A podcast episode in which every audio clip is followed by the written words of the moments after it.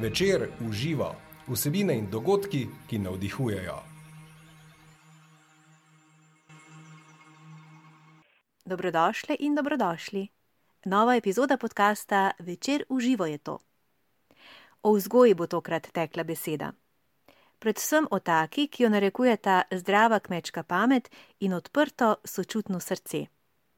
O njej bomo klepetali s strokovnjakom za vzgojo, specialnim pedagogom, ki je baje kot šolar najbolj užival v šolskih odmorih in pri urah telovadbe. Danes pa svoje znanje in dragocene izkušnje niza v priročnikih za vzgojo in na številnih predavanjih za starše, otroke, učitelje in vzgojitelje. Naš tokratni sogovornik je Marko Juhant. Gospod Marko Juhant, dobrodošli v našem podkastu. Kako ste?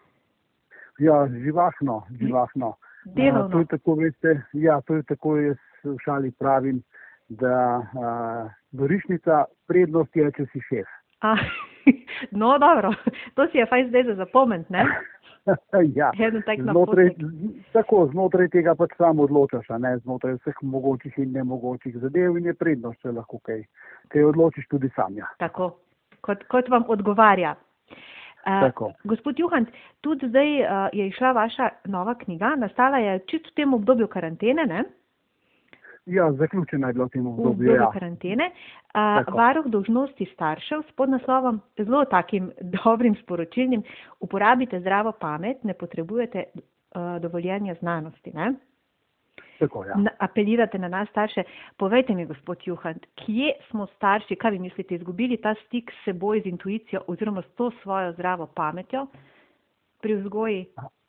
Aha, a, jaz mislim, da en del razloga za to je uh, velika ponudba. Aha. Različnih vzorcev, zgledov, ki obljubljajo srečne in ne vem kakšne še otroke, um, različne metode dela, skratka, kako naj bi bilo. A, po drugi strani pa star, je pa tudi eh, zavedanje staršev, da so še vedno relativno mladi ljudje Mhm. in hkrati tudi želja potem, jaz imam tudi neke pravice, Mhm. jaz imam pravico do prostega časa, jaz imam pravico do tega, da se športno udestvujem, na vse zadnje a, to skrbim za svoje zdravje. A, hkrati je pa delo se je razvleklo čez nemogoče ure, ne. Mhm. A, le malo a, poslov je še takih razen v tovarni, da prideš, pričneš ob uri in zaključiš ob uri. Vse ostalo je prideš prej in zaključiš, ko pač končaš, ne ko je ura potekla. Mhm. In tule je zdaj težava, ker tudi starša med sabo nista uh, pogosto usklajena, ja, zaradi tega, ker oba hkrati nista skupaj z otroki. Mhm. a Ne? In vidita vsak svojo situacijo drugače. Um, pod usklajenost pa ne mislim, da sta zlita, da popolnoma enako ravnata, ne? ker to, to je škoda, to je velika škoda. Ker če bi oba popolnoma enako ravnala v vseh situacijah, pol je eden odveč. Pol je čisto dovolj, da je en sam, a drži. Mhm. No, otrok mora pa izkusiti, da um, oče drugače rešuje z iste probleme, iste prijeme, kot eh, ima mati ima ob nekih drugih situacijah. Ne? Mhm. Um, zato, da dobi več izkušenj in da vidi, da nikoli pravzaprav v življenju ni možna ena sama rešitev. Vedno jih je več. In potem izbira tisto, ki mu je bliže. Hkrati pa zgubljamo seveda na ta način tudi zgled, kako po spolu smo različni, če si priznamo ali pa ne, ne um, da vidijo, kako pa zdaj to rešuje moj spol. Torej to, kar sem jaz, kako pa mi to rešujemo. a Ne? Če vzamete eh, čisto majhno deklico, Ja. eh, tri leta staro. Uh, Nobeden je ne uči uh, posebej nekega, uh, nekih prijemov, nekih spretnosti socialnih in tako naprej. Ona to prinese že na svet. Mhm. Za, fan, za fante ne rečemo za manj, da je bučman. Mhm. Bučko, ne, sicer eh, običajno z malo večjo glavo, ampak če ne funkcionira. Ne. Punce so pa socialno spretne, že pridejo take. Je, tem to je že tovarniška, Mhm. tako, tovarniška nastavitev, jaz temu pravim, a ne, tako je bila izdelana, že s tem prišla na svet. In tega ne morejo otroci potrditi, če niso z obema staršema. a ne. Um, in potem tudi te znani kompleksi, ki jih poznamo skozi vse življenje, zaljubljenost, recimo uh -huh. uh, fantka v mamo pri štirih letih in take štorije, ki zelo pomagajo, da se potem um, tako odloči za svoj spol in tako funkcionira, da bo imel tudi on naslednike. A, tega danes mnogo krat ni več in stvari ostanejo tako kot pri ostalih zadevah. Lahko si spremljamo nadarjenost kot eh, potencial. Uh mhm. -huh. Ampak od potencijala do rezultata je kup garanja. Tako. In tega ni. In tega ni. Zato imamo kupe in kupe nadarjenih, ki jih pa kot odrasle ne srečujemo več. So se zgubili. Tisoči nadarjenih otrok, ki jih ne srečaš več, noben ne reče nadarjen. Jih je par posameznikov z vsake šole, nam nič ne pomaga, da imamo tako, uh, tak sistem. Pač smo si izbrali, žal, mislim, da napačnega, no? kar se nadarjenih tiče. Uh, se pravi, ta nadarjenost, ne, uh, lepo ste povedali, zbledi, kot otrok ima nek potencial, potem kot odrasel ga nima, ker se zgubi v mesta ta pot, kjer je treba delati ja. in garati.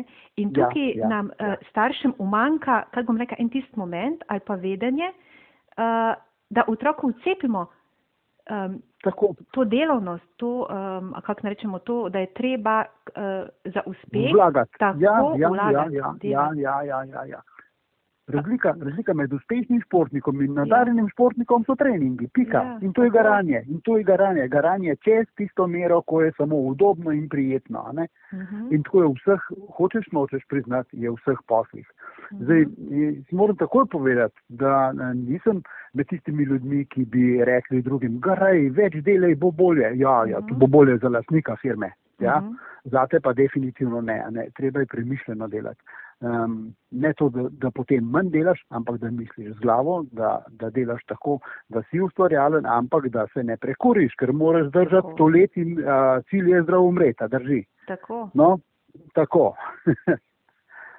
Res je. Uh, gospod Juhant, ampak vseeno, tista meja pa se zna, imamo pa druge skrajne že starše, uh, ki pa otroke preforsirajo, tudi rečemo, ne? Uh, v tej njihovi ustrajnosti. Um, uh, da včasih znajo iti pa tudi čez rob. Ni, mislim, ja, tudi, ja. tudi to je druga skrajnost. Kaj pa zdaj vedeti, ne vem, nekje, kje je ta balans oziroma. Kje, kje je meja? Tako. Kje je meja, ja. Jaz mislim, da je treba prisluhniti otroku. Uh mhm. -huh. Treba ga pogledati, treba je videti, kaj se, kaj se rojeva. Zdaj, le, ko so bile počitnice, je um, počitnice te prvomajske, uh mhm. -huh. pa um, niso bile prave počitnice, zato ker so starši mnogi, ker so delali za šolo, ker je, pač mhm. treba bilo delati, ne? Mhm. so not prinašali. In um, smo tudi neko raziskavo izvedli mhm. in je kar bilo sodelovalo staršev takih, toliko jih je bilo za eno celo šolo od prvega do devetega razreda. In um, kar nekaj jih je ugotavljalo, kako je krasno, koliko so drugačni njihovi otroci, ko ne hodijo na šolske in obšolske dejavnosti da se med sabo igrajo, da so prijazni, da so nasmejani, da imajo čas, da jih spoznavajo čisto kot drugačne. Uh mhm. -huh. Ker niso stalno upeti v urnik, ampak pa ste to, niso otroci, ki bi prej imeli težave. Starši tega niso prepoznali, da imajo otroci težave, ampak zdaj so pa prepoznali, da so otroci drugačni po domače. Oni so rekli, boljši so boljši. In edina razlika, ki so jo našli, je, za šolo delali do povdne, ok, so naredili, popoldan so bili prosti, nikamor jih nismo vozili cele dneve in smo živeli mirno in otroci so se umirili, začeli med sabo govoriti, se igrati in podobno. A, ko jih poslušaš, kako opisujejo te svoje otroke, vam povem, zavisi po tistem starem otroštvu. Mm -hmm. Po času, ko, ko nismo gledali, ja, nostalgija, ja, za nas odrasle, ko nisi gledal na uro, ko a, je, si imel občutek, da je še v svetu še tvoj. Ne? A veste, a, se nismo ozirali na, na vsako mejo, a, ni bilo vse za ograjami in podobne mhm. stvari. In smo otroci tekali, recimo, če smo bili na vasi, kjer si bil, tam si pač bil. In tudi vsakdo od uh, vaščanov je malo pogledal, kaj počnemo. In če smo kakšne neumnosti počeli, um, ni bilo to tako, da bi rekli, da bom pa očetu povedal, te bo že oče reda naučil. Ne. Ta človek, ki je bil tam, ta odrasli, odgovorni je rekel, je, fantje, punce ali pa ajde mularija, tole pa ne takole, takole in mhm. takole se to dela. Kje boš pa zvedel? Včasih smo hodili rabutati. Zgodna ja. jabolka, recimo. Mm -hmm. Tam ti je povedal, uh, lastnik je rekel, veš, ja, ampak vrečke pa ne smeš sabo prenesti. Veš, ti so ja. kar tako le, vzer daš, pa dva v roki, pa to, to je to. Mhm. -huh. Prav drugače pa ne, ne? Ja. Uh, lete, tu so bile tiste družbene norme. Vsi so mhm. nas učili teh norm. Vsi so bili pozorni, kaj delamo. In uh, en, en afriški pregovor pravi, da za enega fanta gor spraviti rabiš za celo vas ljudi. Yeah. Ja. In to se je takrat kazalo, da je res tudi v mestih so bile zelo različne situacije. Ne? Cele v mestne četrti ulice, otroci so se med sabo dosti bolj poznali kot se danes. Če vzamete te stare, recimo, ne vem, rokerje in te, uh mhm. -huh. vsi so se med sabo poznali. Uh mhm. -huh. Tudi je bil kdo, kakšen, konc mesta je bil sprt z drugim koncem mesta, ampak zadeve so bile vendarle na nek način regulirane. Uh -huh. ne? Tega danes žal ni več. Um, in otrok, kolikor se znajde, se pač znajde. In mnogi se ne. In potem, uh, da se bodo znašli, jih starši pošljajo v neke mhm. obšolske aktivnosti, in v teh obšolskih aktivnostih je problem, da tam je še hujši urnik kot v šoli. Uh mhm. -huh ker ja. pričakujemo rezultate. Naši morajo zmagati, če je to šport, morajo zmagati. Mhm. Če hodi v glasbeno šolo, mora izvrstno izpeljati koncerti in še doma mora vaditi, kar je huje, hujši program poteka kot v šoli. Starši pa mislijo, ja, se ima prosto, sej to je, to je pa ja otroštvo. Ne. Uh, šola nikomor ne pobere otroštva. Uh, otroštvo poberejo obšolske dejavnosti popovdan. Uh, Zdaj le, je bilo pa res kar nekaj težav, ko je lahko tudi učenje doma pobralo v otroštvo, ko je bilo toliko naporno, pač glede na to, koliko so starši pričakovali, da bodo ponudili otok, otrokom, koliko so dejansko uh, uspeli to narediti. Um, je bila kombinacija res zelo posebna, mislim, da unikatna, nikoli nobena generacija staršev še ni imela take izkušnje, a ne pa nas. In upam, da od tega kaj potegnemo. Zdaj ste rekli, lepo gotovitev ste tudi uh, vi oziroma uh, z, vašim, z vašo anketo oziroma z vašim raziskovanjem, ne, uh, ste dobili en tak lep rezultat. Um, ja, ja, ja. Ampak zdaj, zdaj če smo že, eh, dobro, istočnico ste mi dali, ker sem vas tudi imela namen vprašati o teh obšolskih dejavnostih. Ja. Sicer, um, koliko jih je zdravo imeti, oziroma kak, kako naj pomagamo izbirati in ali otroka, ko ga veste, da ga že včasih po enem tednu mine. Um, ja, ja, ja, ja. Kako ustrajati? Kaj, kaj zdaj? Kaj zdaj? Ja, ja, tako, do katere mere, kako ne. dolgo. Zdaj, jaz mislim, da je a, kar zelo v redu, če ima otrok eno od gibalnih a, uh mhm. -huh. možnosti tole, torej, da se razmiga, šport, verzija, ples, skratka nekaj, kjer se miga. Mora migati, mora, uh mhm. -huh. mora gibati. To absolutno a, bi rekel ja, vsaj eno. Vendar, a, ta druga, a, ta, a, mogoče, ta tretje pa nikakor ne ve. Uh mhm. -huh ker je preveč. Ker če je res dober otrok, potem se začnejo tekmovanja in na zadnje cela družina samo vozi tega otroka ja. sem tja in vse se podreja. In če imate enega uspešnega športnika, imate težko še ta drugega in ta drugi je prikrajšan in ta, zaradi tega ta drugega potem mene kličejo na pomoč. Uh, imamo probleme. Ja, seveda jih imate, ker vse v enega vlagate. Ne? Um, to drugi se počuti prikrajšnega, pa se pa še kakšna punca po svoje in pri puncah pa pa v najstništvu butnejo uh, težave z družbo, s um, temi socialnimi stiki, uh, telefoni, računalniki in podobne stvari. Ne, ne morete verjeti, kaj vse dekleta še vedno, kljub vsemu in vsemu na vkljub, kaj še vedno objavljajo. To, to je nekaj neverjetnega. Ne da se, da se ne ustavijo, ampak zato, ker je zraven tudi en del tega uporništva. Ja, to gre skupne.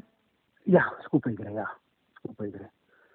Uh, se pa res ne, resno ne zavedajo, uh, kako dolgoročne posledice so lahko. Jaz večkrat me to laži to, da smo ljudje zelo pozabljivi, ja, veste. Uh, da kar pozabimo na, na te stvari. So pa zoprne situacije, ko bo nekdo spet prelekel nek filmček ven, obravno uh -huh. ne pravi ne pravi um, zgodbi, a ne, ne vem.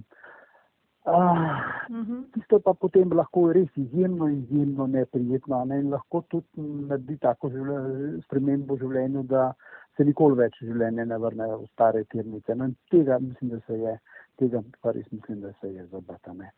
Uh, Zaenkrat še ni tega, da bi otroke pri nas ugrabljali na veliko, uh -huh. ne vem kaj, ne? Ampak uh, pri nas je samo panika živa, kar se tega tiče, drugač pa um, ni še, se vemo, ne? Uh, zakonci si jih ugrabljajo, uh -huh. uh, zato ker pravosodje pa socijala niso rešili zadeve na ustrezni način, ne?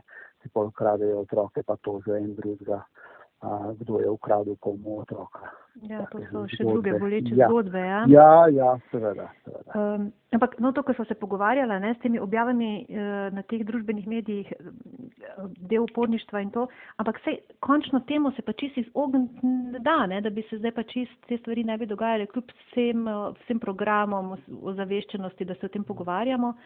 Um, ravno zato, ker je to del uporništva. Ne? Ja, seveda. seveda. Točno, če, če rečeš česa ne, ne to smo uh mhm. -huh. tisto potem naredi, ker ve, uh, ker ve da, da to deluje. Uh mhm. -huh. Včasih so klici na pomoč, otrok pa yeah. Ja. najstnikov so neverjetni. Recimo, ne. Ja, večina staršev ne ve, da če otroka zalotijo pri kraji v neki trgovini ali kaj takega, da je zadaj je praviloma ena druga težava in to otrokov klic na pomoč. On je tako ukradel, da so ga dobili. Uh mhm. -huh zato, da se boste končno enkrat začeli z njim resno ukvarjati. Ja. Tako kot, kot je tudi, če se eh, režejo otroci ne, ali pa najstniki, je to tudi klic na pomoč. Ej, imam resne težave, zdaj pa, če ne boš se z mano ukvarjal, to je tako hudo, jaz sem kar umrl. To je eh, eh, močno sporočilo staršem, da morajo nekaj narediti se ne bodo umrli od tega rezanja. To mhm. starši pogosto mešajo to in, in željo po samomoru, ponavadi ni čisto nič povezano. Ampak uh, klic na pomoč pa je izjemno hud klic na pomoč. Imam bolečino, ki je ne morem biti kos, mhm. zato si povzročam drugo, ki se mi kos, si jo lahko nadziram. Samo zato, da je ona prva, ki nisem, ne morem biti kos, da je mečkeno utopi. Uh -huh. Nič drugega ni zave, ja ne prekriti eno bolečino z drugo. Uh, to, to so res klici na pomoč in tega, a, tega danes starši, recimo, jaz mislim, da jih mnogi sploh ne, ne prepoznajo. Ne? To me zanima, ja, v bistvu, kak, kako odreagirati, uh, kljub temu, da se to zgodi, se ustrašiš. Vi ste rekli, da se celo ustrašijo v smislu, da bi rezanje, da je rezanje smrtno nevarno, ne? celo ja, to je ja, skrbi, ampak ja, ja. tistega pravega vzroka pa ne prepoznajo, oziroma kak je pametno pristopiti k otroku, ki ima tako težavo, pravijo se pogovarjati. Ja, to, če prej ni bilo vajeno, ne? Če, pa, tudi, eh, jaz verjamem, da so se že pogovarjali. Pogovarjanje je lahko ravno del problema. Aha. Pogovarjanje je lahko, točno to je lahko del problema. So družine, recimo tam, kjer uh, so premehko vzgajali, tam se vedno pogovarja. To so družine, ki reče, mi imamo kar družinske sestanke. Okay. Točno veš, permisivnost, slaba vest, pritiski in tam se očita vsem, ne, tisti, ki je a, naredil prekršek, uh -huh. a, mhm. tistega, za tistega se izvede mala maša, uh mhm. -huh. kot rečem, a, zraven morajo biti prisotni pa še ostali, vsi ostali člani, zato da, da oni pa ne bi zdaj tega tudi počeli, ostali pa preventivno. Uh mhm. -huh. In zadeva ne deluje. Zakaj? Ker nikoli ni konca, ni ja, se ja. ne zaključi. In potem je slaba vest in zraven še pogosto so taki manevri staršev, kot je um, um, odklanjanje pozornosti, a pa uh, ne pokaže ljubezni in podobne stvari, ne? tako kot poznamo v zakonu, mhm. -huh. ne vem, hitevnja. Ja. ja, to sporočilo, sporočilo zakoncu, ki, s katerim si v bitki in baš ti hiteven je, nisi del moje družine. Zdaj si zamislite, da vaš najstnik, ki ima že tako tisoč težav, ja. naredi še eno hudo stvar ste se začeli meniti in zdaj čuti še en mok tak v družini, vsi se ga malo gibajo. Ja, on res ni del družine in kaj naredi? Poišče neko družščino, kamor spada. Vzeli ga bojo pa, takoj ga bodo vzeli tam, kjer bo počel kakšne neumnosti. Ga bodo vzeli, takoj, ne? In pa rečejo, ja, so nam ga speljali. Ne, vi ste ga sami, ste ga nagnali, ste ga, ker mu niste eh, dali signala, hej, lomiš ga, vseeno te imamo radi, pogovarjamo se, peljemo zadevo naprej, pa ne tako. Um, če, če kira od mam ne verjame, da to ne deluje z otrokom, vsest se pa pogovoriti. Ne reče možu, zdaj, dragi, mala je en problem, prid vsest se za mizo se bova pogovorila. Naj proba. Uh mhm. -huh. In bo videla, da ne pride čist nikamor, ker dec se bo usedel, prekrižal roke, prekrižal noge in rekel, no, kaj ima zdaj zapovedati. In zadeva se tam konča najstnik to isto naredi, samo z manj očitnimi kretnjami, gestami. In zadeva ne deluje, manj se je treba, eni pa joj, sam pogovarjajte se, pogovarjajte se, je pa to treba res znati in treba je znati molčati tudi, a ne. Če treba otroka kregati, to je tehnika. Ja. Tehnika otroka se krega tako, da začneš z besedo kadar. Če je zamudil, če je zamudil, ne rečem, že spet zamujaš. Aha. To, to leti na osebnost. Ja. Ne rečem, zakaj mi to delaš? To je um, metanje krivde? Ja. Ga hočem, mu hočem slabo vest buditi. Um, če, če rečem, koliko krat sem ti že rekla, pomeni, da je neposlušen, Mhm. da ne uboga, da je grozen mulj, a ne? Mhm. Če pa jaz rečem, kadar zamudiš, samo takrat, kadar zamudiš, to velja. Drugače pa ne, druge dni si pa ok. To je malo Kul, distanca postavljena, ne, s tem, je zelo neutralno, ne? točno tako. In Ja. to je, to je ta kadar takoj pove, da gre na obnašanje, Tako. ne gre na otrokovo osebnost. Vete, in te stvari starši bi, ah, morali bi jih obvladati, no pa jih ne. Žal jih ne in se ne posvetujejo, ampak iščejo seveda. Problem je tudi računalnik, eh, sistem računalniški. A, gled, gredo, imajo, napiše, problem takle in takle. Problem, kaj ne naredim. In najde na ne vem katerem a, a, a, naslovu internetnem v računalnik ponudi par rešitev in pogleda najprej mehke verzije. In potem odpre naslednjo, Ja. mu računalnik, sa- glede na to, kar je izbral prvič, Mhm. mu ponuja samo še istega tipa. Ima občutek, aha, tako se to rešuje. Povsod je. Ne. ja. Ja, um, računalni, tudi računalniški program ga, ga enostavno ga zapelje in misli, da ima prav. Ne, si sem toliko, vsi ljudje tako, ne vsi. Samo tisto, kar si ti izbral, ker količina informacij je pa enormna. Ne? In ravno tako, če izbere eno, eno grobo, preveč na- nasilno verzijo, bo same take dobival, a ne, daj ga, daj ga. Ja. Zapri ga, namlati ga, ne vem kaj še vse. Porid ga, da je pa, da se na upoznal, kako že poglav ga mu. Kako Ja. že, pogla- pogla- poglav ga moške se nič ne vidi, ne, ali kako to so celo do grozne stvari, a strašljivo. veste. Ja. Ja, prav strašljive, a ne. Kaj, kaj ljudje vse svetujejo, ne. Pa pa, ko grem jaz eh, na predavanje z naslovom kazen, ljudje prijo čist prestrašeni, zeleni in trdi. Mhm. Nekateri bomo konc, pa pa kot kaj, prav se kazni sploh ni tako grozna. Ja, seveda ne, se ni namen kazni, da se otrok slabo počuti.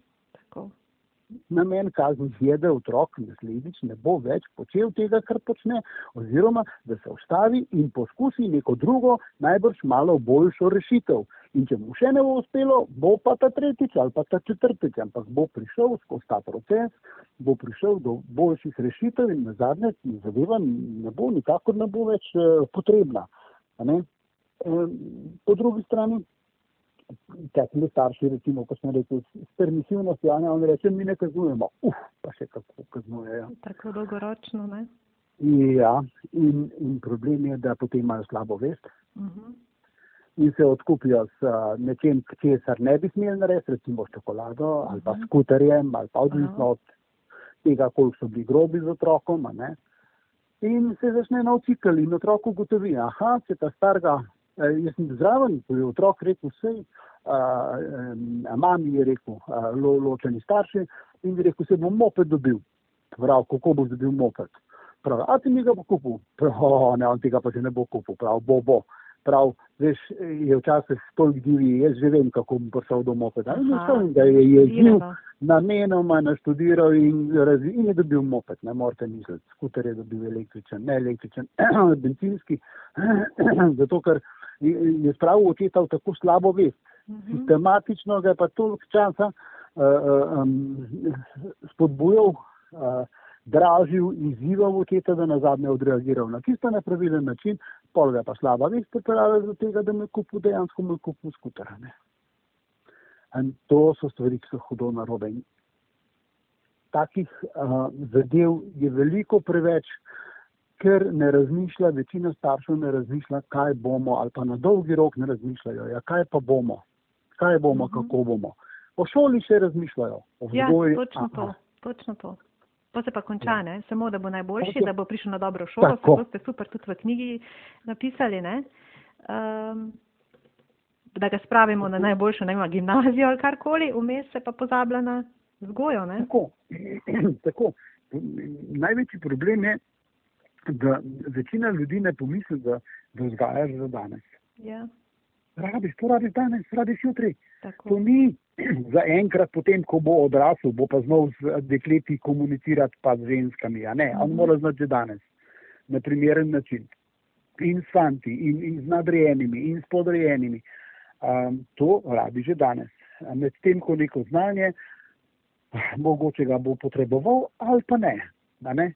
Um, točno vem, da smo uh, se učili integral izračunati, nikoli v življenju ga nisem potreboval. Ja, Ampak imam še kar nekaj let življenja, mogoče ga bom pa potreboval. ja.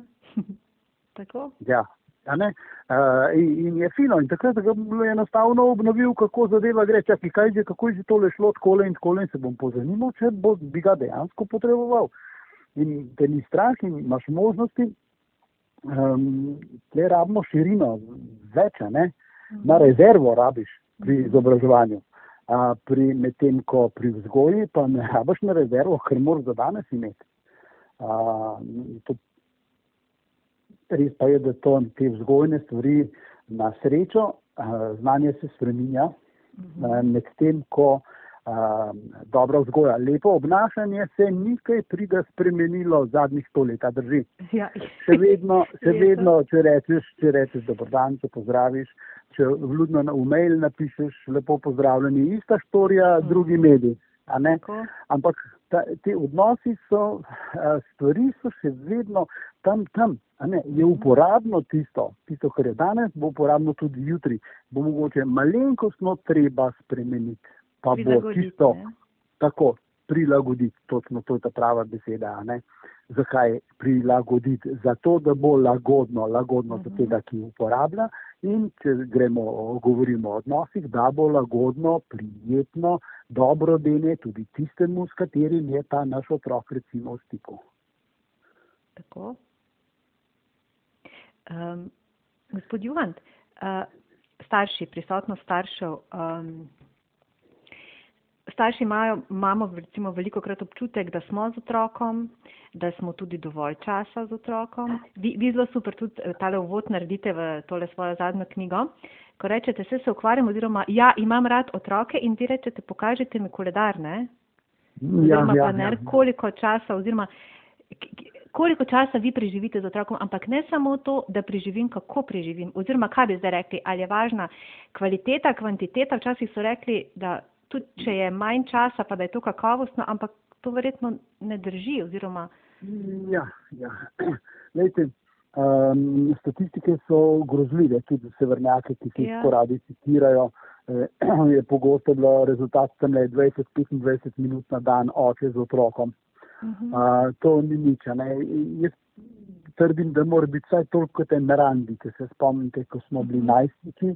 A ne, to pomeni, da za čas ene šolske ure, ene 45-50 minut, pa že mora biti v enem kosu, da se nekaj zgodi. Um, proces rabi določen čas. ja. Če imate nekoga, ki je žalosten in ga želite potolažiti, ga objamete in je bolje. Vendar, Če ga odjemate 8 sekund, tečejo hormoni in je situacija popolnoma drugačna, kot če ga objemate samo 5 sekund. Uh -huh.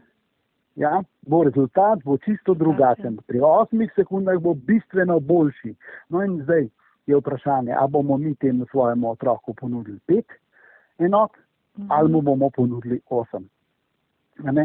Um, jaz dosti krat pravim, že za majhne otroke je najboljša igrača oče, ki se vleže na tla. Boljše igrače ni, je ni. A ne, je ni, dejansko je ni. Zakaj? Zato, ker je stik, zato, ker uh, je dotik, ker um, je zabavno, se učijo, otroci se učijo zaupanja, tudi starši se učijo zaupanja, da ti malček ne bo prsta v oko. Um, skratka, to, to so res ta prave, čisto ta prave lekcije in stik je intenziven in kar nekaj časa traja. Tako je tudi kasneje. ne. Zamislite si, da greste za uh, 20 minut z otrokom na kolo, no koliko bo od tega, 10 minut delce pelete, pol pa predržite nazaj, prednji se oblečete, preoblečete in tako naprej, vam je ostalo vožnja mogoče 6 minut v eno smer, pa 6 minut v drugo. to ni nič. Ja. Ja? Če ne traja zadeva dve uri, um, rečemo, je brez veze. Nima smisla. Mora preteči en toliko časa. In, um, tudi neki čustva se mora zgoditi. Če grem z otrokom na cesto, me skrbi, so močna čustva, Uh -huh. uh, ga učim za sproti ja, uh, in se pusti nadzirati. Ni nič jezen, če ga gledam. A drži. Drugače ne pustijo nadzirati. Če smo pa v prometu, se pa otrok mirne duše, še posebej, če gre s kolesom, a ne. Mirne duše se pusti nadzirati, eh, me lahko tudi vodi, on je spredaj, jaz lahko vozim za njim, to je najboljša, ne. Zato, da vidim, kako me pelje, da vidim, kaj kontrolira, česa ne kontrolira, lahko se tudi zamenjava. Uh -huh. Um, lahko izbira pot, lahko se nauči planirati, lahko določa, kdaj je pauza, kdaj bova žejna, kdaj bova pila, a, kako je s temi stvarmi, kaj se pije, a gre za vodo, a gre za elektrolite, ker um, danes otroci bi si vzeli samo nekaj sladkega, ne? Ja, ampak da. problem, problem pri potu so elektroliti, tako kot pri ostalih zadevah. A, celo mora funkcionirati kot električni stroj in potrebuje pač a, v, v vseh tkivih stvari, ki omogočajo a, pretok vseh mogočih signalov. Ne? In, in zato rabimo elektrolite. In, in to je tisto, kar moramo otroke naučiti. Lej, naporno bo elektrolite, ne samo sladko, ne energije ti bo zmanjkalo. Um, to se dolgo ni videlo, dokler ni bilo teh dolgotrajnih plesov, rejvov in tega, ne, a, kjer so potem le ja. vendar. Tako, ja, ja, dobesedno. Ne. Zaradi, ja, sej smo pili, sej je, bilo, smo, je pil veliko vode, ja, pa kaj ti, ti ne rabi, ne, Ja, ni, ja. ni dovolj. Take stvari. Kje se boš o tem pogovarjal? Lejte, na kauču Uh se -huh. nikoli ne bosta o tem pametno pogovorila. Ko se pa tam odzejaš in a, začutiš, da po nekaj minutah telo spet funkcionira, Ja. to je najmočnejše sporočilo, ki ga otrok lahko dobi. To pomeni, to je prava lekcija. Ampak ta lekcija mora trajati. To, to je lekcija, ki mora trajati toliko časa, da sem eh, žejen, da sem lačen, toliko časa, da mi zmanjka energije, toliko časa. Ne. Se pravi, po dve uri um, ni, to, ni to kaj posebnega. Ne. Jaz verjamem, da v Kranjsko goro ali pa na Krvavcu ali pa na Pohorju noben ne gre smo 40 minut časa, ja, ker je, ker je premalo. tako. Nima smisla. No, lejte, tudi za otroke ni. Uh, še vedno ima smisel, da si, da si z njimi, če, si, če imaš tudi premalo časa, vsako minuto izkoristiš, kot rečemo, ampak ne potem misliti, da to je pa dovolj.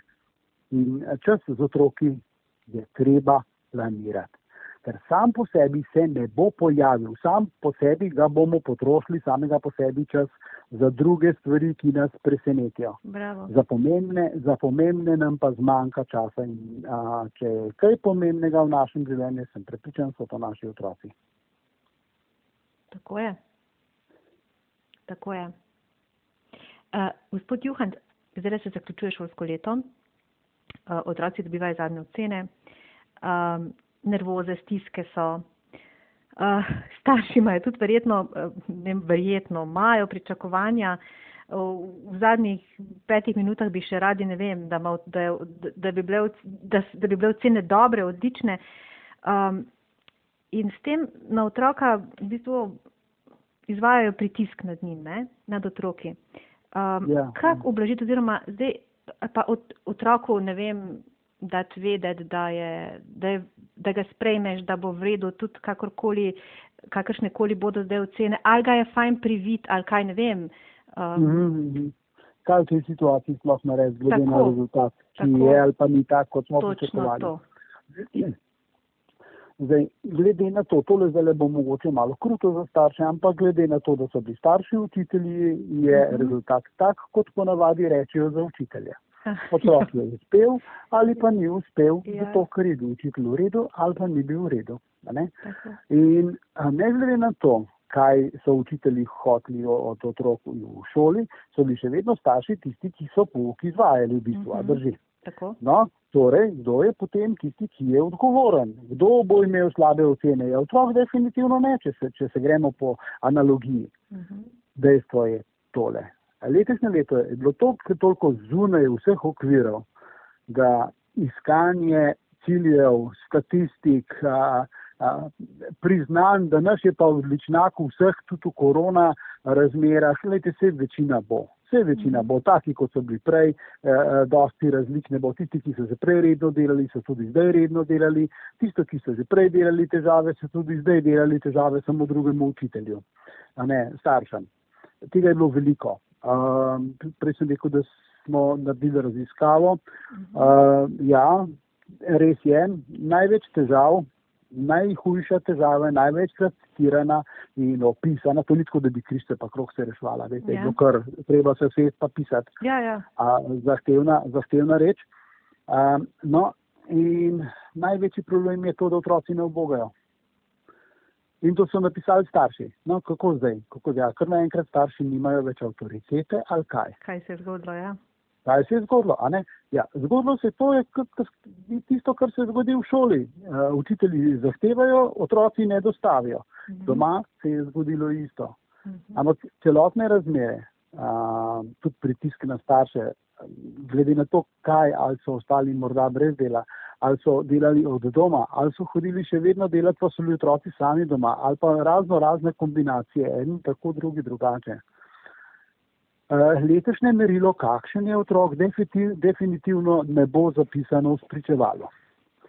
Jaz mislim, da računam, da bo naslednje leto vendarle normalno potekalo. Naslednje leto je tisto, pri katerem bomo skrbeli od začetka leta, da bodo otroci začeli z delovnimi navadami, se pravi, da začnejo um, 1. septembra, ne vem zdaj na pamet, kateri dan to je letos, prvi dan pouka, takrat se popoldan začne že delo za šolo. Uh Mhm. -huh. Nič, se še nič nimamo. Ja, ja. Ima En za brati, ja. ima knjige, ima knjige za zavit, ima uno, drugo, tretje, kar začeti je treba. Obnoviti, poštevanko, ne vem, karkoli. ne. Um, tole je najboljša kombinacija.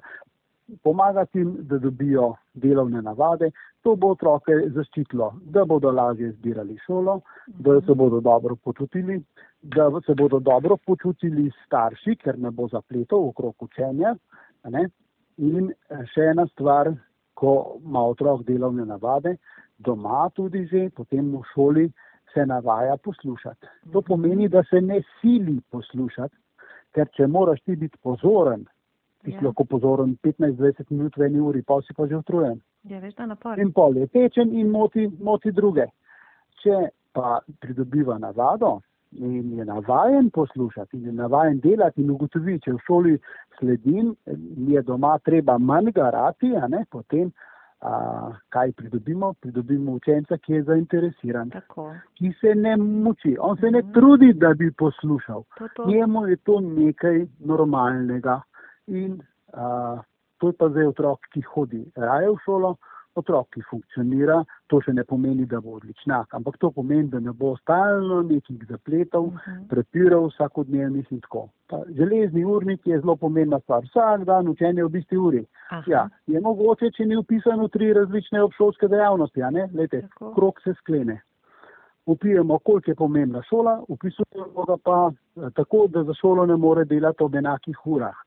Ampak eh, ljudje smo bitja navade. Navad, ja, rutina. Naše telo se navadi, rutina, te ura, če si navajen ob štirih se usesti in učiti, se telo ob štirih, m, kar paše, da se usedeš. Samo pokliče, ne? Samo Mhm. tako, samo pokliče in potem se ni treba ukvarjati tem, ali bi se danes učil ali se ne bi učil. Mhm. Sploh ni potrebe, ker se enostavno usedeš in začneš.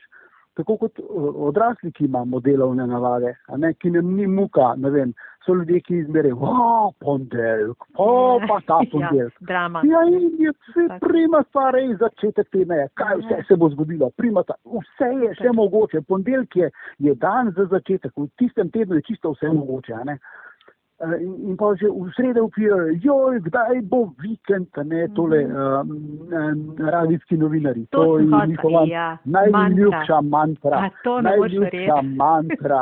Ja, vikend prehaja. Ja. Kot da se vse samo vikend, samo Ja. žur. Točno to. Uh, Vmes si pa mrtev tri dni od ponedeljka do srede, ne? Ja, ja. Ni ja. življenja. Samo, samo pričakuješ, si kot nosečnica, Mhm. ne?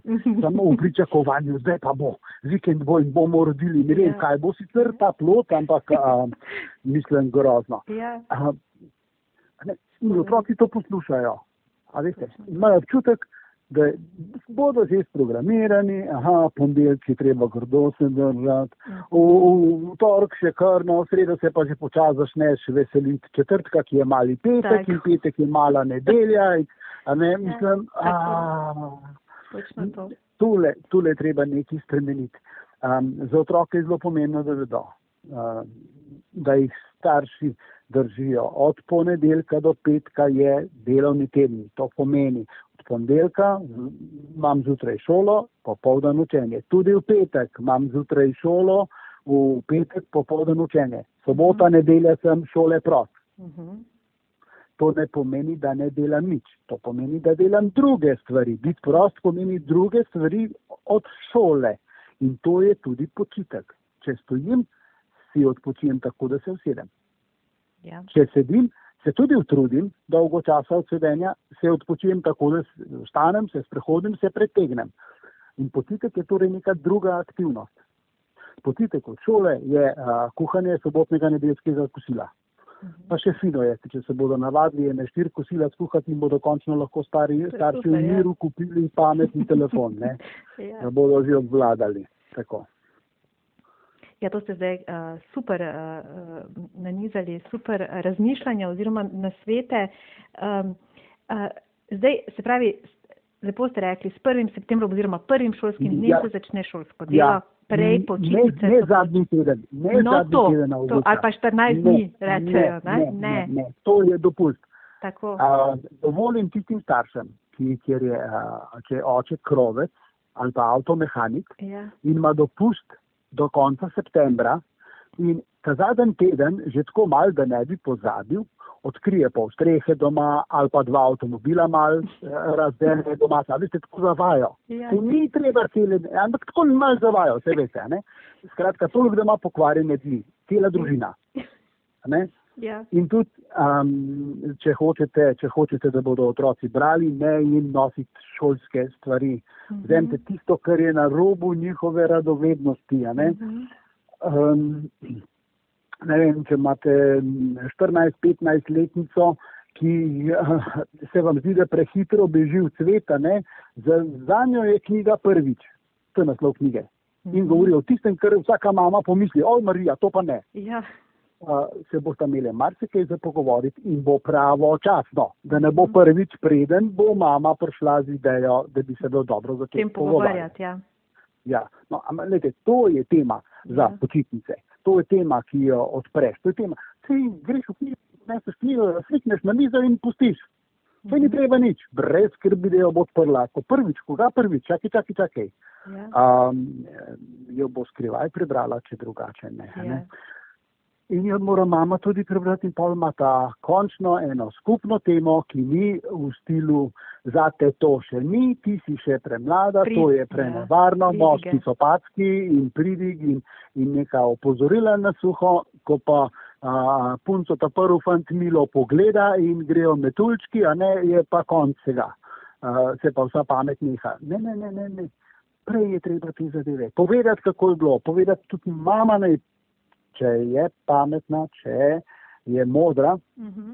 a, če je sama se tudi tako obnašala, da ni treba zlagati se, Mhm. ne pove, kako je ona občutila, ne pove, kako je ona čutila ljubezen, da bo punca vedela, to je ljubezen, da se ljubezen čuti, čuti pod želodcem, ne v srcu, v srcu je strast. Mhm. To je drugo, to so tisto druga hotenja, uno ljubezen, uno nežno, mehko, uno, kar je najbolj nevarno, ker te dvigne tudi odstav, ne.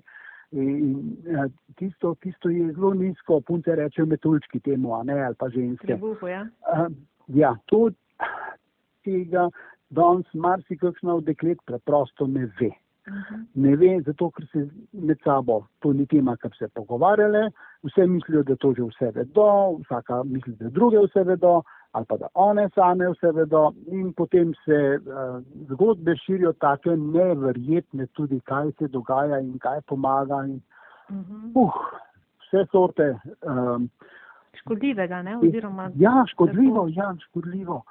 Če vzamemo spolnost, je gotovo ena od zelo pomembnih stvari v življenju našega otroka. Uh, če zdaj še ne, pa takrat, ko bomo mi mislili, da še ne, bože, bože. Mi pa mislimo še kar, da še ni pomembna stvar, se, da se s tem še ne ukvarjajo. Ne? Mhm. Če punco pa 16 vprašate, uh, kaj je o fantih, bo rekla, sem jaz se s puncami, s sošolkami, veš, se o tem več ne pogovarjamo. Ja, Ja. seveda, tam to je tema.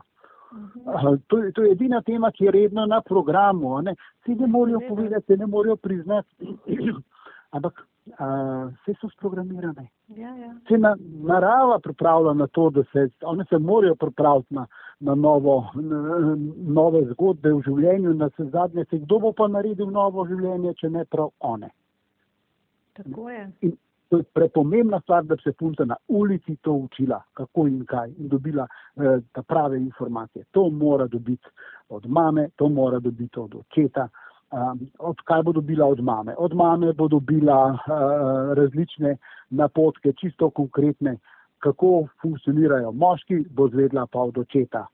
Oče bo povedal, kaj če punca reče, če po stran pogleda, če um, pokaže preveč mesa in podobne zgodbe, kakšne so, kakšne so uh, reakcije. Ne?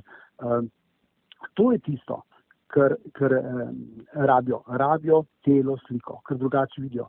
Pol slike in še to pol slike od kolegic, ki tudi nimajo vseh informacij ali pa Pa res ne vem, kdo ima vse informacije. Vseh mislim, da nima čisto noben, tudi mi ne, ne. So še izkušnje, ki jih mi tudi nismo doživeli.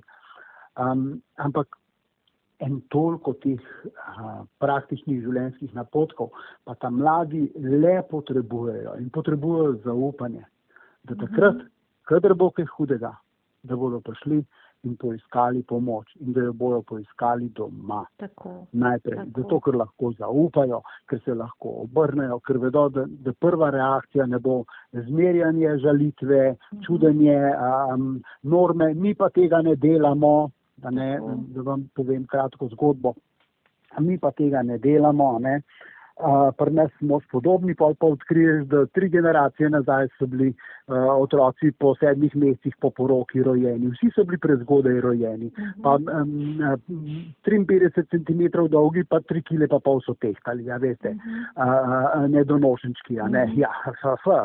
Um, pa, pa v belih oblekah Ja. uh, so bile gospe, ko so šle v ne, uh, na, na poroko, se pravi, bilo zlagano, vse skupaj.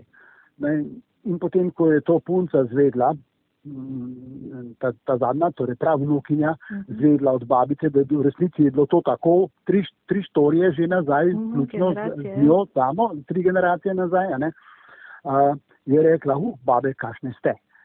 češ, jaz pa nisem taka. Mhm. No, in je poskrbela, da res ni bila taka. Prekinila. Ona, ona je šla, ona je šla z, z belo obleko k poroki in uh, se je čakalo več kot eno leto na dojenčka. ne. No, tako da je, in je bila ponosna in je na glas povedala pri nas, no, tako da sem prekinila to tradicijo družinsko. to se mi zdi, da take stvari držijo pa tudi generacije skupaj. Uh, te, a Ja. tebi je pa uspelo, ne. Ja. A tebi je pa uspelo. Jaz se spomnim babice, ki je rekla, uh, pr, ko, ni bila še 19 let stara punca, ko se je poročila. Pa pravi, jo, še dobro, da se je poročila. Res pravim, ja, pa ne navadno, da je tako mlada. Prav, ja, veš, to je bilo treba, sem mislil, da je bila noseča. Prav, ne, ne, ne, ne, ne, ne. Prav, veš, kaj je ona zagledala kakšnega fejsdeca, prav, ona se je kar trez začela. Ja. Prav, tako, tako kot jaz, ki sem bila toliko stara. Ona je vedela, babica je Ja. vedela, to, da je, da je vnukinja točno taka, kot ona. Aha. In je ti bilo treba zgodaj poročiti, ker Ja. To, to ne, bo, ne, bo, ne bo verige, ki bi tega konja, verige, ki bi tega konja podivjanega držala nazaj.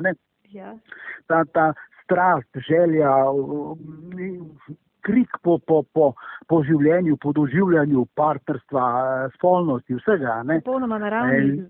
Tako. Čisto, ja, ja in, in je babica fino rekla, to sem se smejal, ker je rekla na koncu, ni taka je, ko sem bila jaz, ko sem bila toliko stara.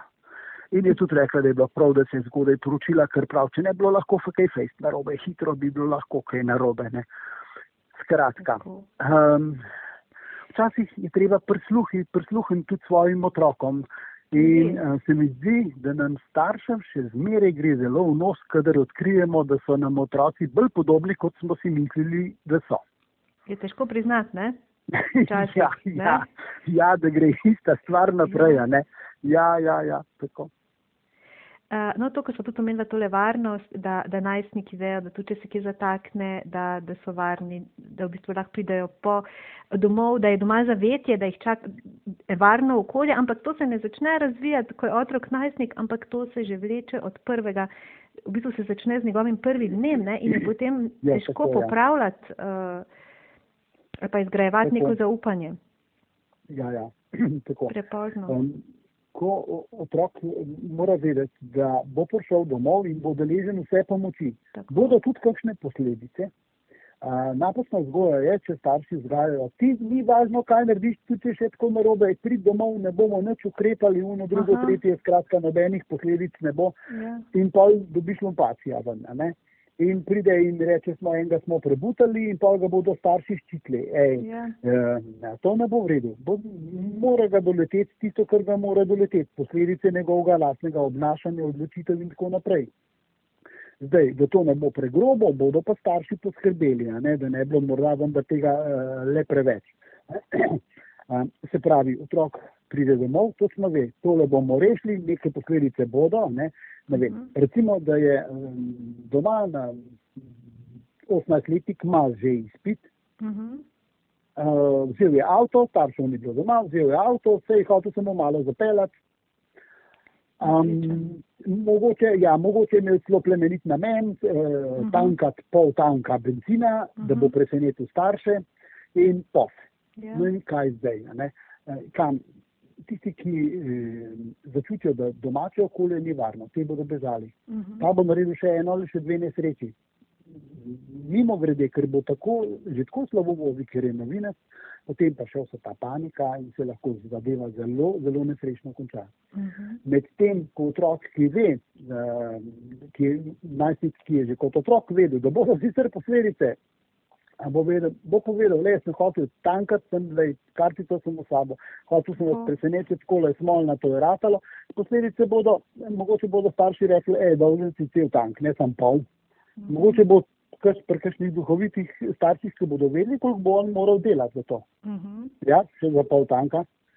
Uh, bo, bo, to, bo to ukrep in bo čisto, vejte, bo čisto dovolj. Mhm. Uh, pa bodo pa zraven šli, ko bo tanko. Ali pa bodo rekli, no, a, če so res dobri starši, bodo rekli, le, zdaj pa v miru, pet, na tanki, tako kot si hotel narediti, popravi tisto, kar si zakompliciral. Avto so vmes popravili, je bil pri kleparju, zavarovalnica, eno, drugo, Mhm. tretje, četrto, vse tako, kot mora biti, so pomagali, da je šlo vse skozi, da je šlo zavarovalnica, ne vem, ali je bila policija ali ni bila policija.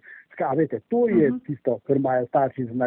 Tako. Posledica, posledica je pa lahko ta, da rečem, zdaj pa pet, pa tisto, kar si se že takrat odločil, opraviti, tako kot je treba, pa polno na tanke, ne, ne sem pol. Uh, ja, lejte, to je, to je, do, to je močna, uh, močna ukrep, ne. Mhm. Ker mora fino delati Zelo. za 30 evrov, mora kar nekaj časa garati mulj. Ne?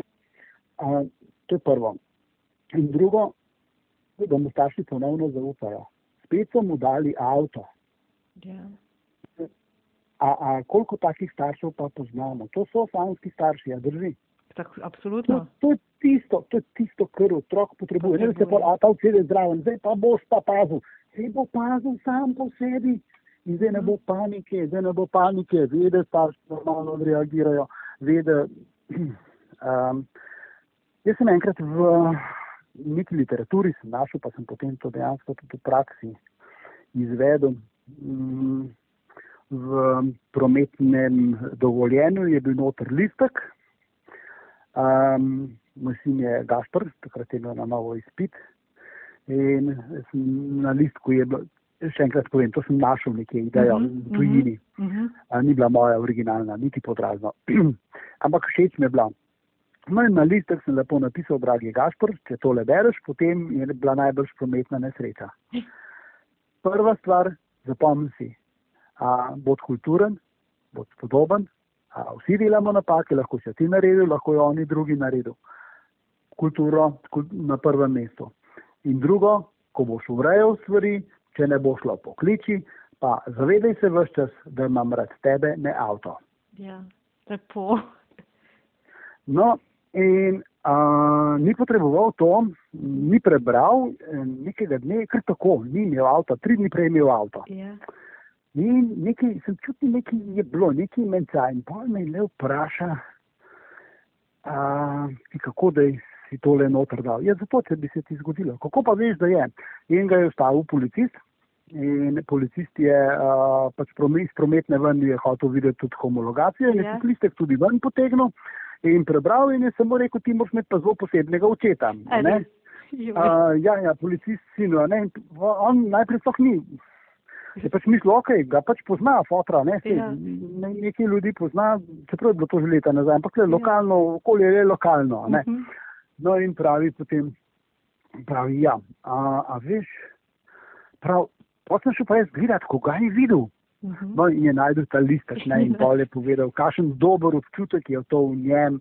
A, in, evo, a, jaz sem prepričan, da na ta račun je tudi bolje vozil, ker je vedel, a, da, da avto je dejansko postranska stvar, ne ta glavna uh, moj otrok je tisti, ki je naj, najpomembnejši uh, v mojem življenju.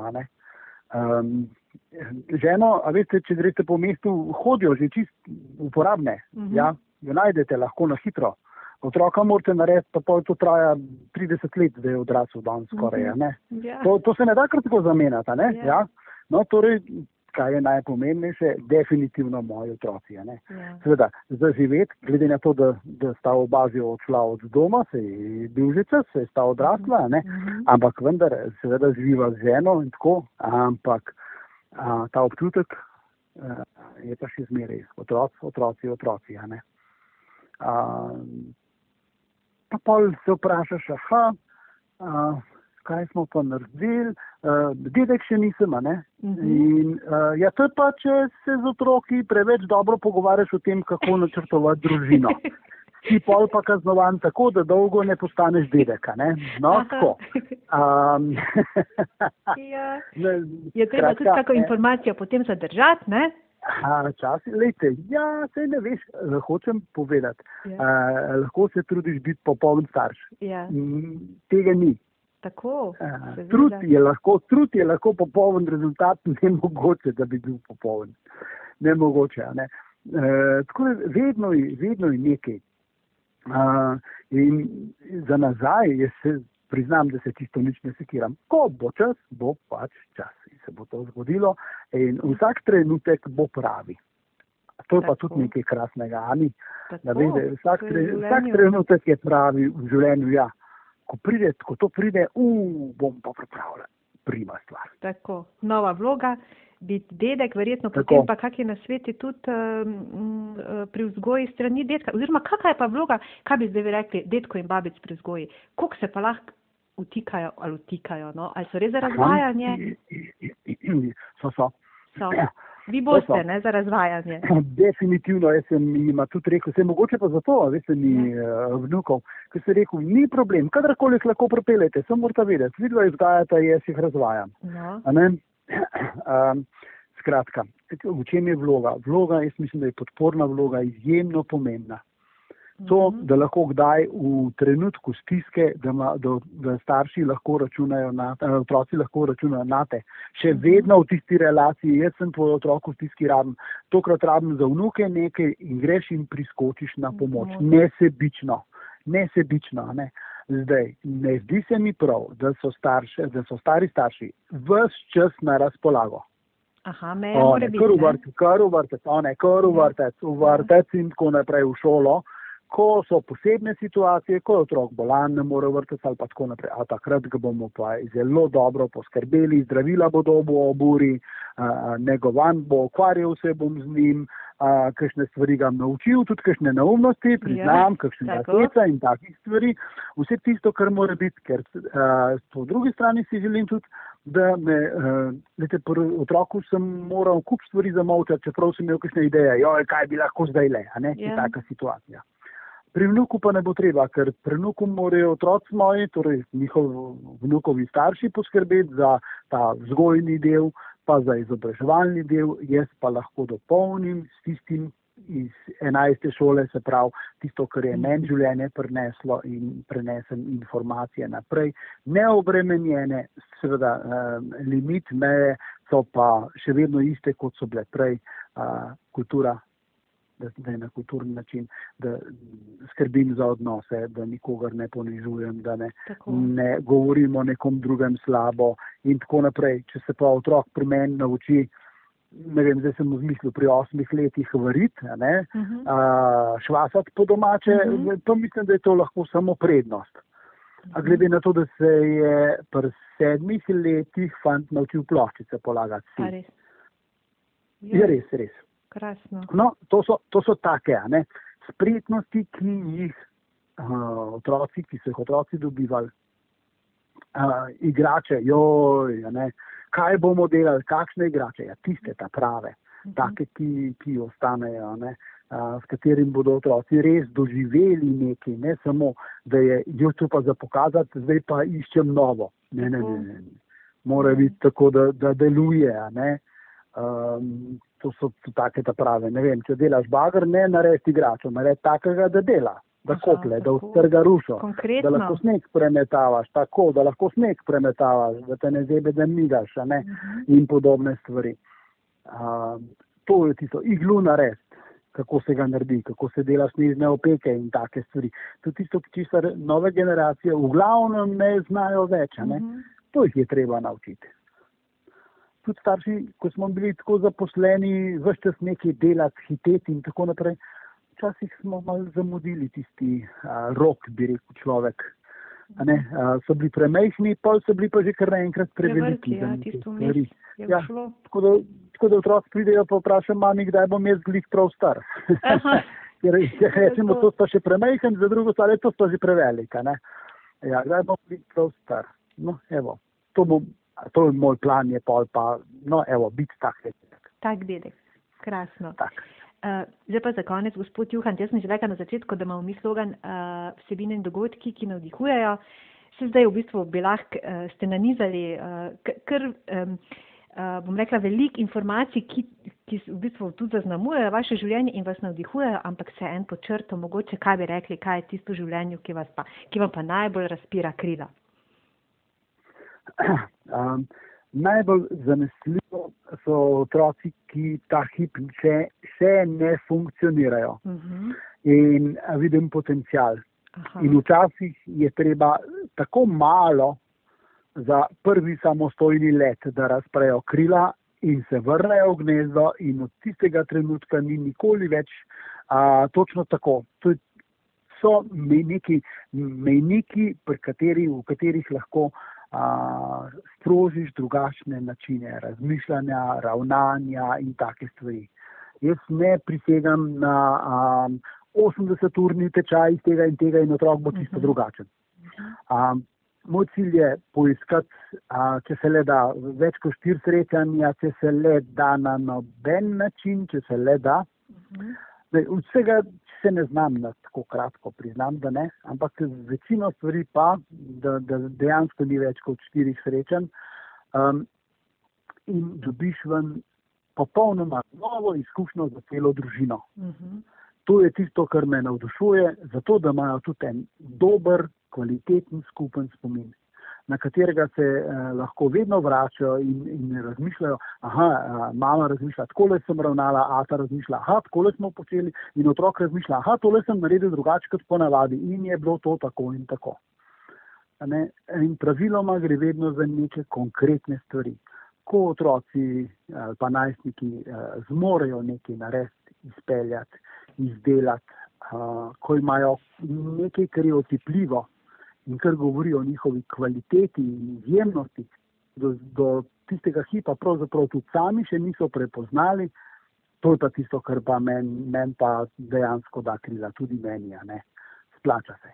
To je pa tisto, splača se, ker včasih res poiščeš, najdeš, ne, ne vem, um, če dam primer, dva fantiča, uh -huh. uh, naveličena vsega, mama je bila sama, z očetom ni šlo skupaj, uno, drugo, tretje. Ne prestano sta delala neumnosti, oba, kot starejši, kot ta mlajši. Včasih se je ta mlajši po ta starejšem vrgu, včasih je bilo tudi obratno. Um, no in ko sem odkril, da rab ta avanturo, smo šli tjale v škofiloške hribe in smo poiskali kameno strelo, so taki kristali, mm -hmm. pol prozorni ali pa prozorni in, in ker vem, kje je pač nekaj teh nahajališč, smo seveda tudi našli in za fante bi to en dan, ko sta zajezila potok z dovoljenjem lastnika, tam seveda je to, mm -hmm. tam imam zveze, kot se reče, ne, zip. Mm -hmm um, ko, ko smo uh, streljali s vračo po gozdu, uh, ko um, smo poiskali te kristale in smo bili na smrt lačni in se utrujeni in utrujeni in se odžejali v potoku s čisto vodo, da so videli, da sta videla fanta, kakšna, kakšna voda to je, kako to odžeja, kakšen občutek je. Uh, in potem tista malca in ko sta prišla nazaj, uh, ta, za njo sta bili tiste uh, par kepic teh kamenih strel. To je, bilo, to je bilo več vredno kot kateri koli diamanti, ki so jih v tem stoletju izkopali. Razumete? -hmm. Ker to sta, ona dva sta družno rekla, to bo vam midva dala mami, mama ima kolegico, ki a, dela nek nakit in ona bo to delala in mama bo to nosila in to bo mm -hmm. njen bo njen spomin na naj bo več svetla, da so to midva sva našla uno, drugo, tretje, četrto in potem se pogovarjamo, kaj več pomeni, a če se obnaša ta, če to data in uno, drugo, tretje in streho. Ne, ne, ne bo midva to vse spremenila. Uh -huh. um, no in se srečamo po dolgem času, ni mama imela tistih kamnov gor, ne, spravljic ne pripovedujem, so pa dali neki nares, imela je neki, neko zrivico in nekaj tazga, je povedala, da so, ampak uh, fantje so, fanta sta začela iskati druge dragulje, kot se temu reče, uh mhm. -huh. kaj pa lahko še vse narediva, kaj lahko sama najdeva. In, in eden je začel minerale zbirati. Namesto, namesto, da bi zbiral probleme, je zbiral minerale. Ja, ja, tako. Evo. No, lejte, to, to so zgodbe iz življenja. Nobena plača, a, a, noben kakršen koli račun že napišeš za tako mhm. storitev. Ta, takega zadovoljstva, kot ko srečaš čez nekaj let to mladino, ki niso več otroci, ampak so najstniki ali pa že mladi, mladi odrasli in pripovedujejo in časih reče, a ve, a se me spomnite, ja, te se, ne malo mi povej, ne, in potem zgodbe, ko se začne zgodba, točno vem, kdo pa kaj, mhm. ne. Um, pa, ja, to se vse spomnite, ja, tega se, zdaj se pa vse spomnim. Ja, se počas pride nazaj spominja, ne, kaj se je dogajalo in kako zdaj to, ono, drugo, tretje in vidiš, kaj je nastalo. Um, kakšne osebe so to? Mhm. Prej so bili to samo otroci, ki so imeli probleme, ne, sej priznaš, se veš, da ima osebo, da je osebnost, da je mhm. celota, da je, ampak to je neobdelano kot tisti kristal, dokler je šele nastajal, ne. Pol pa to zablesti in vidiš, kakšni odrasli, mlajši odrasli, kakšni so to, uh, to me pa res navdušuje. In um, ko smo imeli leta nazaj že neko evropsko srečanje, ko sem delal še veliko z uh, vedenci in s temi otroci s mhm. tovrstnimi težavami, um, je bil sklep nekega takega evropskega telesa, da če bi vsak pedagoški delavc v življenju pet otrok pozavil, postavil nazaj na ta prave tračence, je zaslužil svojo penzijo, ker nas je toliko, ne, mhm. pedagoških delavcev, zraven, zraven so tudi ostali, ki so v teh stroki, ja, psihologi in tako naprej. Ne. Mhm. Skratka, ti, ki se z, z mladino ukvarjamo, vsak, če bi samo pet postavil nazaj, imamo vse postavljene nazaj. Ja. Ja. In, in tudi ta občutek, da ne, evo, a, nekaj je nastalo. Trud je bil vložen, a, smiselno je bilo, Vidiš napredek, to je tisto, kar mene pravzaprav, uh, to je pa končna beseda napredek. Ko vidiš, da so stvari drugačne, ne samo da je sprememba, ampak da gre naprej. In da ugotovijo, da je važno, da so ljubljeni, da je važno, da so prijazni, da je važno, ne, da garajo cele dneve in bodo izgoreli za novega lastnika in ne vem kaj, ampak da korektno, zelo vredno upravljajo svoje delo in še vedno živijo svoje življenje, in ko bo čas, da bodo živeli s svojimi otroki. Več informacij o podcastih in dogodkih večer v živo najdete na spletnem naslovu trikrat dvojni vvcer.com poševnica v živo in na facebook strani večer v živo. Z vami sem bila Maja Furman, Srčno in srečno, dok malu.